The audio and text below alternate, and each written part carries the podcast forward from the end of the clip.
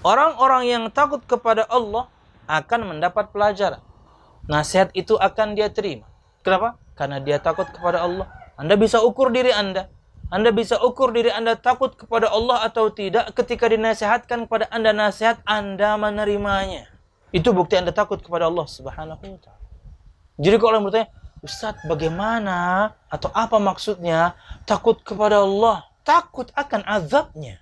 Prakteknya, ketika ada orang menasihati Anda ketika Anda melakukan kemaksiatan, ada yang nasihati. Ketika Anda meninggalkan kewajiban, ada yang nasihatin, Anda takut. Hingga kemudian Anda menerima nasihat tersebut. Bukan malah menentang, bukan malah menolak, cari-cari alasan, menyaksikan firman Allah, mendustakan sabda Nabi Muhammad itu di antara tanda Anda nggak takut. Anda tidak takut akan adab Allah Subhanahu wa taala. Anda nggak ngomong. Anda tidak mengatakan saya nggak takut adab Allah. Praktek Anda menunjukkan itu. Padahal ketika teman Anda datang memberikan nasihat itu bukti dia peduli. Apalagi dia datang bukan mengatakan katanya-katanya, tapi dia datang membawa yakni firman Allah sabda Nabi Muhammad ilmu agama dengan faham yang benar tapi kan tapi kan selalu tapikan tapikan selalu ingin cari celah supaya kemudian menghindari nasihat tersebut anda berarti nggak takut sama Allah tidak takut akan azabnya kata Nabi Muhammad SAW an-narul ladhi tuqidunahu juz'un min sab'ina juz'an min nari jahannam api yang kalian nyalakan itu api dunia hanya satu bagian dari 70 bagian panasnya api neraka Allah Subhanahu wa taala. Tidak bisa kita bayangkan.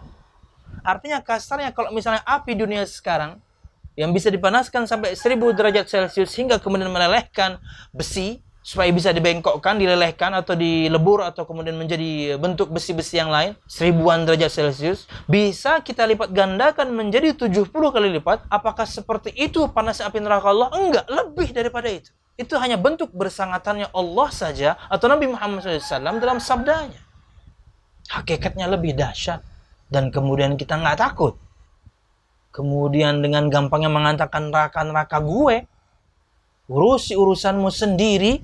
Kalau masuk neraka gue nggak bakal ngajak-ngajak kok neraka-neraka gue. Subhanallah.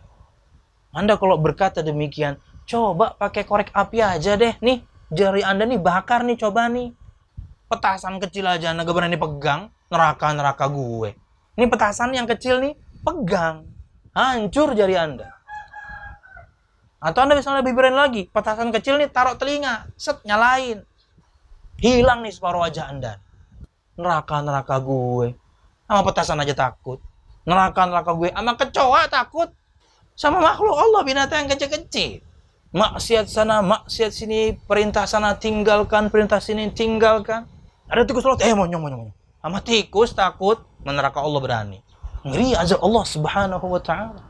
Tidak cukupkah untuk kita cerita-cerita tentang umat-umat terdahulu yang Allah binasakan. Allah siksa di dunia sebelum di akhirat. Kaumnya Nabi Saleh, kaumnya Nabi Hud, kaumnya Nabi Nuh, kaumnya Nabi Lut. Baca. Anda kira mati tenggelam itu enak? Hah? Siapa di antara Anda kemudian dulu pernah belajar berenang, kemudian nggak lancar kelelep? Eh, pengen mati rasanya. Kayak gitu azab Allah. Dan lebih dahsyat lagi. Mati tenggelam. Ada yang mati kedinginan. Kaumnya Nabi Soleh apa Nabi Hud tuh? Dihembuskan Allah Subhanahu wa taala angin yang begitu dingin, beku mereka mati beku. Baca. Bagaimana azab Allah Subhanahu wa taala? Neraka lebih mengerikan neraka-neraka gue. Wallahu a'lam bishawab. Jangan sampai kemudian kesombongan menutupi hati ini hingga kemudian nasihat orang nggak masuk. Batarul haqqi wa ghamtun nas. Itulah kesombongan, menolak kebenaran dan meremehkan orang lain. Ah lu siapa sih? Lulusan mana sih? Anak kemarin sore. Subhanallah. Sudahlah bodoh, sombong pula. Menolak kebenaran dan meremehkan orang lain ayat Allah kan nggak dipahami secara seperti itu. Sebenarnya Nabi Muhammad kan nggak gitu-gitu amat. Si itu nggak belajar.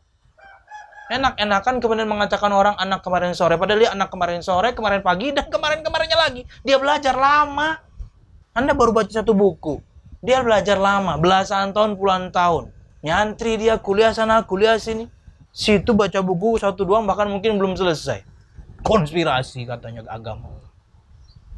Subhanallah. Wallahu alam bisa. Kalau Anda kafir non muslim sih ya bodoh amat. Kalau yang mengatakan muslim yang jadi masalah. Sombongnya diri ini ketika disampaikan kepadanya satu nasihat. Wallahu a'lam bishawab.